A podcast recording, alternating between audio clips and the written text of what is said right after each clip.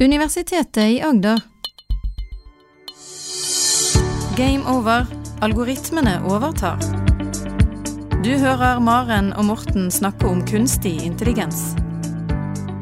Da er vi klare for spørsmålspod. Ja, det blir gøy. Ja, det er gøy. Vi har fått inn masse spørsmål. Ja. Eh, men mange av de er ganske eh, komplekse Ja. og krever en del mer tid enn eh, en generell spørsmålspod. Så jeg tror vi, eh, vi tar noen av de eh, litt mindre spørsmåla nå, og så kommer vi til å svare på litt flere etter hvert, er det ikke sånn? ja, du tenker at vi tar noen litt små spørsmål nå, og så tar vi de store, virkelig store spørsmålene over flere podkaster? Ikke sant? Så vi kan forklare det litt ordentlig. Ja, det kan vi gjøre. Eller, en, alternativ er å ha en tre eller fire timers lang podkast Ja. nå. Det tror jeg blir litt langt. Okay. Ja, ja. Ja. jeg tror vi kutter det ned til å Ja. ha flere. Ja. Så hvilke spørsmål har vi fått inn?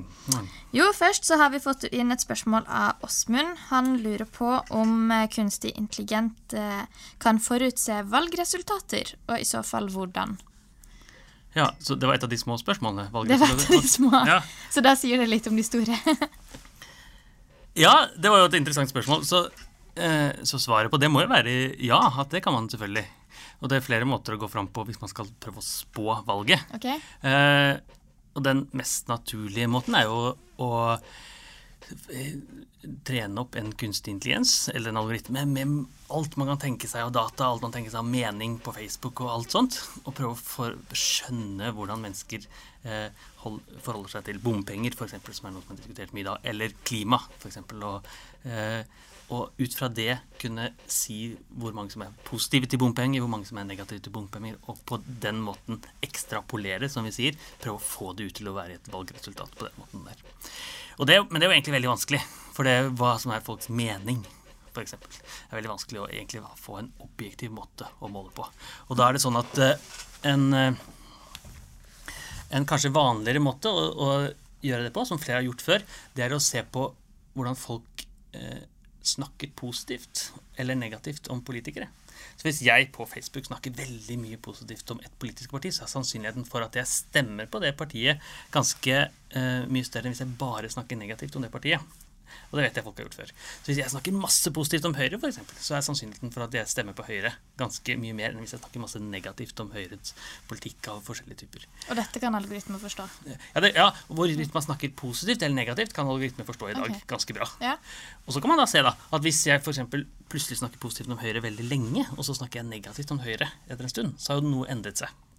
Og hvis, da, hvis man da antar at man snakker positivt om eh, et parti, betyr at jeg stemmer på det, og så snakker man negativt om et parti, betyr at jeg ikke stemmer det, så kan man måle sånne ting som hvor, folks mening om politiske partier, eller politiske saker, eller, og sånne ting. Og det kan man da si at dette kan forutsi valget på en eller annen måte. Eh, men det vil jo aldri være en perfekt forut, spådom av valget. For det, det, av flere grunner. Både fordi hva folk mener, er ikke det samme som de mener akkurat når de går inn og stemmer, f.eks. Også når man gjør valgundersøkelser, når aviser og sånt gjør undersøkelser av valget, så er også det en spådom om valget. De bruker ikke kunstig intelligens, de bruker noen statistiske metoder osv. Så, videre. så hvis jeg skulle spådd valget helt perfekt, så måtte jeg ringt hele Norge som skal stemme. Og så måtte man da eh, fått alle de til å snakke helt sant. Og så måtte de ikke endret mening fra de ble spurt til de gikk til valget. For å være helt sikker på at den spådommen er riktig. Så også de må- valgdagsmålingene som gjøres i dag, er jo spådommer om valget. Men man bruker veldig enkle algoritmer for å få det til. Statistiske bevis til riktige algoritmer. Og det kan man helt sikkert spe på med. Å Laste ned informasjon fra sosiale medier, f.eks. Laste ned informasjon fra debattinnlegg på aviser osv. Utfordringen med alt dette er jo selvfølgelig at det, eh, for å få en objektiv vurdering av hva folk mener, så bør man ha et riktig utvalg, f.eks. Det er ikke sikkert alle de som hetser bompenger på Facebook, er en objektiv, eh, uniform eh, informasjon om hele Norge, f.eks. Så eh, svaret på om man kan spå valget med kunstig intelligens, er nok antagelig, antageligvis ja. Om det vil være perfekt? Absolutt ikke. Men kanskje kan det til og med være bitte litt bedre enn det som gjøres i dag. Ja. Litt usikker på. Ja. Det var en kjent eh, amerikansk forsker som jeg ikke husker helt navnet på, men han eh, er eh, ikke kunstig intelligensforsker, men han er samfunnsforsker av en eller annen type, og han har dyttet inn masse eh, regler som er eh, for å spå det amerikanske valget. Ja. Og skal demokratene eller republikanerne vinne valget. Eh, og det han har gjort, da, eh, det er at han har eh, tatt inn informasjon som eh, hvem er det som styrer nå, som en indikator. For ofte så har man i hvert fall i USA en tendens til at hvis et parti har styrt lenge, så bytter man til det andre partiet. Som etter okay. åtte år eller noe. Og det er litt sånn i Norge også. Ja. Når høyresiden har styrt lenge, så bytter man til venstresiden. Mm. Og så bytter man til høyresiden. Jeg tror alltid det kan bli bedre. Ja, det tror man. Eller litt gre gren gress er grønnere på andre siden. Mm. Alltid. Og sånne ting kan man også dytte inn, da. For det, det sier noe om eh, det sosiale Norge. Eller det sosiale USA. Arbeidsledigheten sier nå, f.eks. Men har du noe eksempel hvor vi faktisk har prøvd å bruke kunstig intelligens for å forutse et valg? Nei, Ja, ikke som jeg kan ta Nei, på stående fot, i hvert fall. Nei. nei. Eh, men algoritmer brukes, og de algoritmene som eh, er valgdagsmålingen i dag, er også algoritmer. Det er bare ikke kunstig intelligens-algoritmer. Det er bare enkle statistikkalgoritmer. Og de er enkle fordi de fungerer. Det er bra. Så bra. Da tror jeg vi har svart på det. Ja, Da kan vi ehm, gå videre til neste, som er Henriette. Eh, og hun lurer på om kunstig intelligens kan avsløre terrorhandlinger i forkant av et terrorangrep. ja også et eh, veldig interessant spørsmål. Jeg tror eh, svaret er vel også potensielt ja, hvis man har riktig informasjon. Hvis man hvis to potensielle terrorister, eller to som har tenkt å planlegge et terrorhan, eh, mm. snakker sammen på Facebook f.eks., eller Ja. på Messenger, eller Men da må de snakke på et sosialt medie eller et medie som algoritmen har tilgang til. Ja, så hvis, hvis vi antar at det er en overvåkning av all kommunikasjon på Facebook innen en algoritme som oppdager eh, terrorisme, så eh, tror jeg det skal gå fint. Eh, for da er det sånn at man snakker om ja, nå skal jeg legge en bombe der, eller noe sånt. Så hvis man tar de antakelsene, så skal det gå greit. Men antageligvis vil jo ikke terrorister snakke sammen på den måten. Nei. De vil kanskje snakke på hemmelig, og de vil kanskje snakke under det som kalles kryptert, som betyr at man hem gjør, hemmeliggjør meldingene. Sånn at ikke Og det eh, forstår ikke algoritmen. Nei, Øh, det å en, gjøre en melding hemmelig, kryptere den, øh, er bygget sånn at det er veldig veldig vanskelig å dekryptere den, gjøre den ikke hemmelig igjen. Så det er masse, masse, masse jobb. Helt praktisk. Eh, på alle praktiske former umulig å gjøre den leselig igjen. Okay. Tekst som er gjort uleselig. Så det gjør eh, veldig mange når man snakker med hverandre på sosiale medier. Men sånn som eh, bildealgoritmer, da. Kanskje det kan brukes eh, Ja, det var et godt tips. Til... Så hvis man ser en person løpe med en bombe, f.eks., Ja. så vil den kategorisere Ja, ja, Det er litt seint, da, hvis, det, hvis man løper med bomba. Men eh, i andre tilfeller hvor man kanskje ser biler som er på vei inn på feil sted til feil tid, f.eks. Ja, det var et veldig godt tips. Det kan man jo absolutt. Hvis man ser på overvåkningskameraer, Mm. Ja. eksempel, som er eh, eh, Så kan man jo eh, veldig enkelt se bombe, ikke bombe. Mm. Og der er det men det er mange fallgruver i begge disse områdene.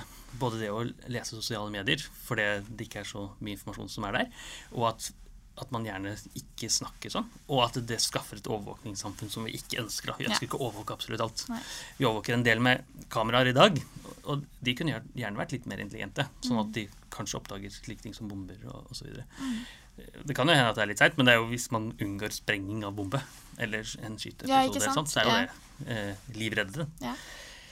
Eh, men det er også utfordringer som vi skal snakke om litt senere en gang. Altså et av de spørsmålene som vi ikke skal ta i dag, er det som heter deepfake, som går på akkurat det tingen der. Man kan lure kameraer til å tro at du er noe annet enn det. Så i dag, hvis man installerer en visuell intelligens som ser etter en bombe, så vil den klare det veldig fint. Men det fins også metoder for å lure de igjen, som terroristene da kan også bruke. Så terroristen kan bruke kunstig intelligens for å lure andre kunstig Ja, tilbake igjen. Ja. Ja. Så da blir det et Så det kan ha motsatt, eh, motsatt virkning òg. Så kunstig intelligens kan brukes til å oppdage terror, Mm. hvis man vil. Og kan brukes til å skape terror, Ja, hvis man vil det også.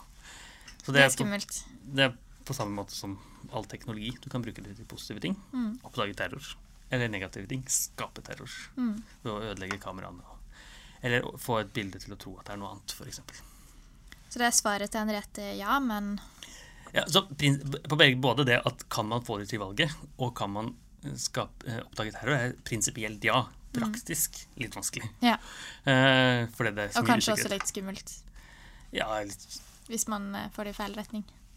Ja, ja, så eh, det er absolutt skummelt hvis eh, både de teknologiene kommer litt ut av kontroll, Mm. og fordi man kanskje ikke helt eh, eh, skjønner konsekvensen av det. Det er veldig mange eksempler på teknologi som er satt i bruk hvor man ikke helt Man får uante konsekvenser. Vi har snakket om dette eh, hamburgereksempelet hvor de som kjøpte mye mer is, f.eks. Det er sånn uant konsekvens. Og når man innfører overvåkning overalt på sosiale medier osv., hvis man skulle gjort det da, for å eh, oppdage terrorhandlinger, så er jeg helt sikker på at det også ville fått mange uante konsekvenser som er negative for samfunnet.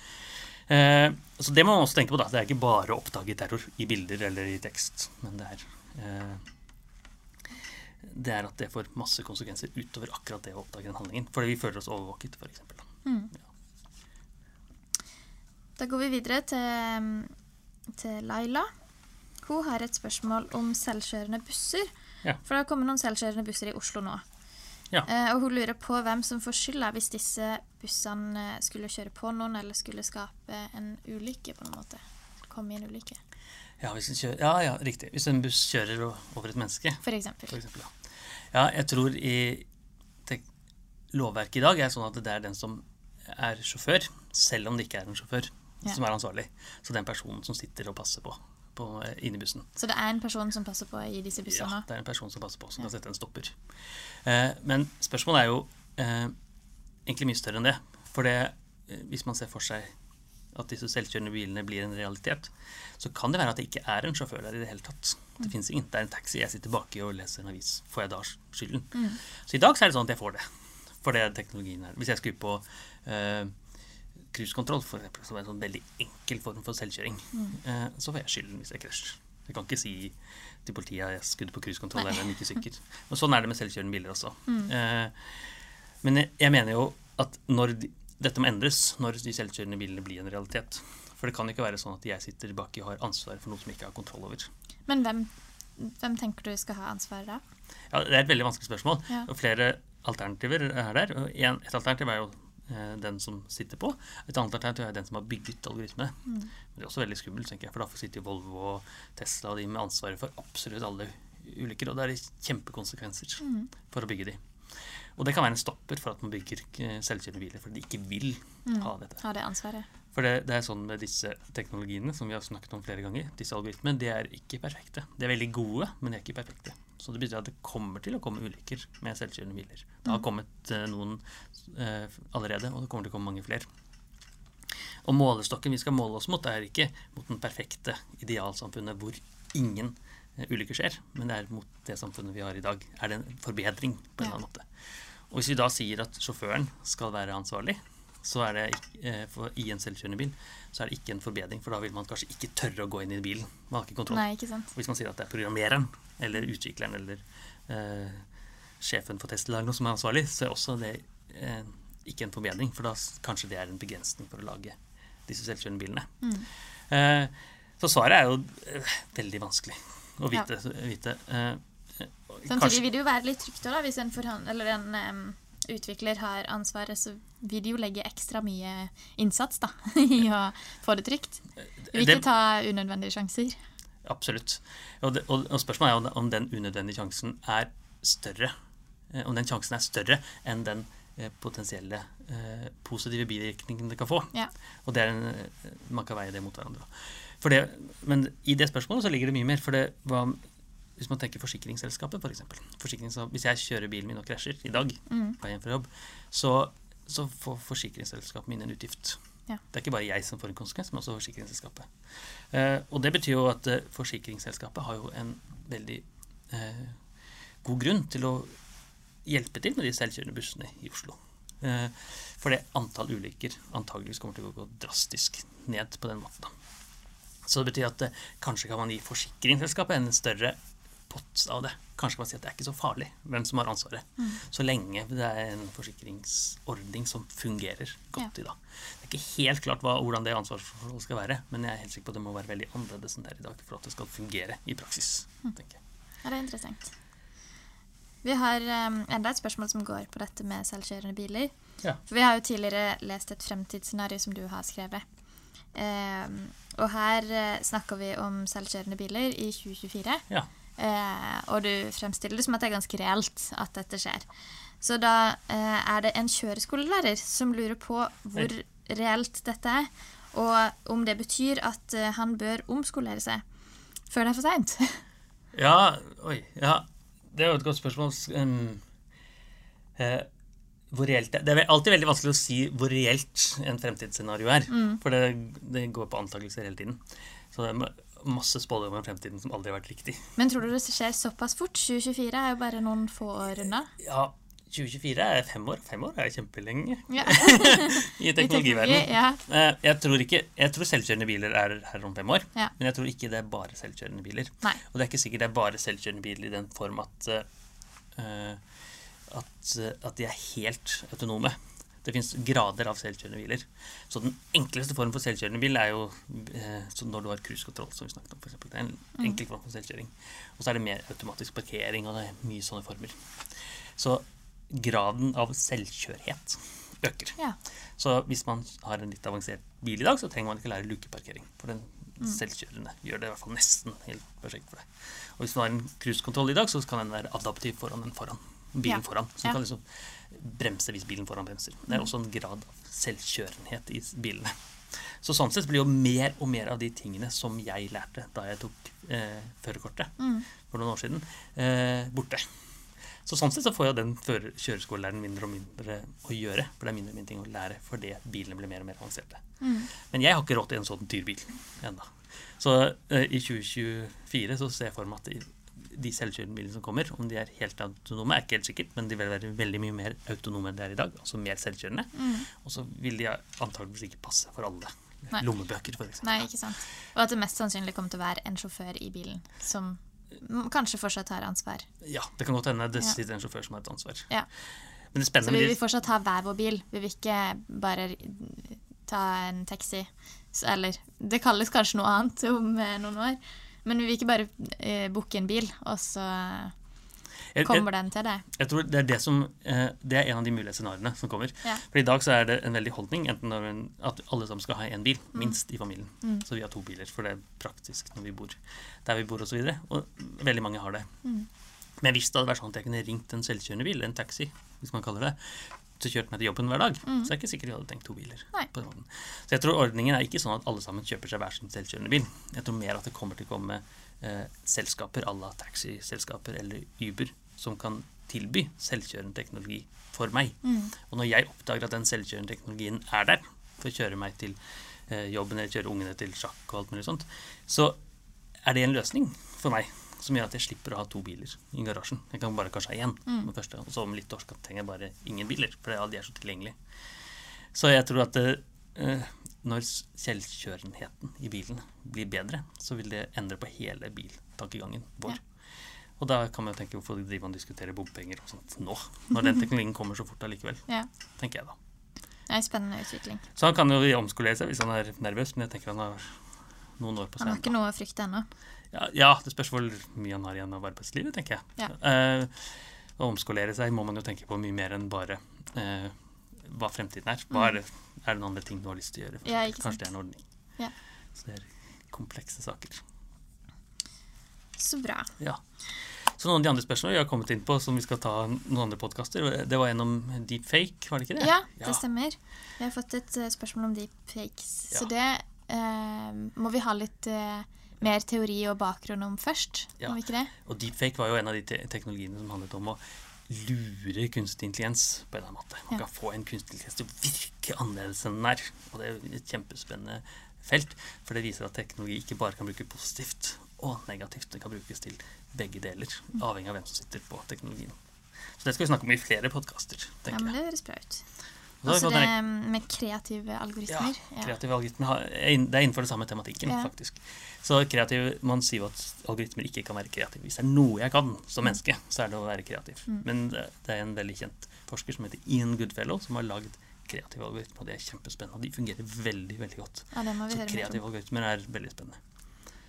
Eh, og vi skal også snakke litt om eh, algoritmer som kan brukes til analyse Ja, og eh, finans. ja riktig. Hvordan det kan påvirke finansmarkedet.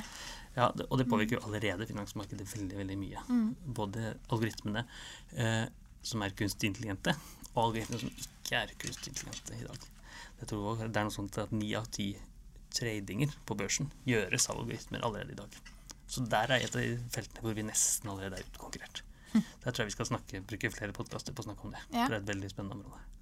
Altså, dette kommer, så eh, Ja, det- det ikke kom- fortvil selv om vi ikke tar det opp i denne episoden. Ja, det kommer som podkast, og det er her allerede. ja. Så det er jo et av de stedene hvor vi allerede er blitt utkonkurrert, uten at folk tenker det. Ja. Finans. Men det kommer som podkast. Ja, det kommer som podkast. Ja, skal vi skal snakke om dette seinere. Ja, I løpet av hele sommeren. Jeg tror vi tar noen sånn opptak før sommeren, og så får vi sommerferie. Vi må gjøre det. Ja. Så bra. Takk. Men da ses vi neste uke igjen. gjør Det er det vi gjør. Så hyggelig. Og så kan de sende spørsmål hvis de har flere til Send spørsmål til gameover.krøllalfa.ua.no. Eller på Facebook. Eller på Facebook. Finn oss på Facebook og ta kontakt. Ja, Så kan man også like og gi stjerner og og det blir vi veldig glad for. Ja. så bra. Du hører Maren og Morten snakke om kunstig intelligens. Har du spørsmål til Maren og Morten, send en e-post til gameover.alfakrølluia.no. Du har nå hørt en podkast fra Universitetet i Agder. Du finner flere podkaster fra UiA på uia.no podkast.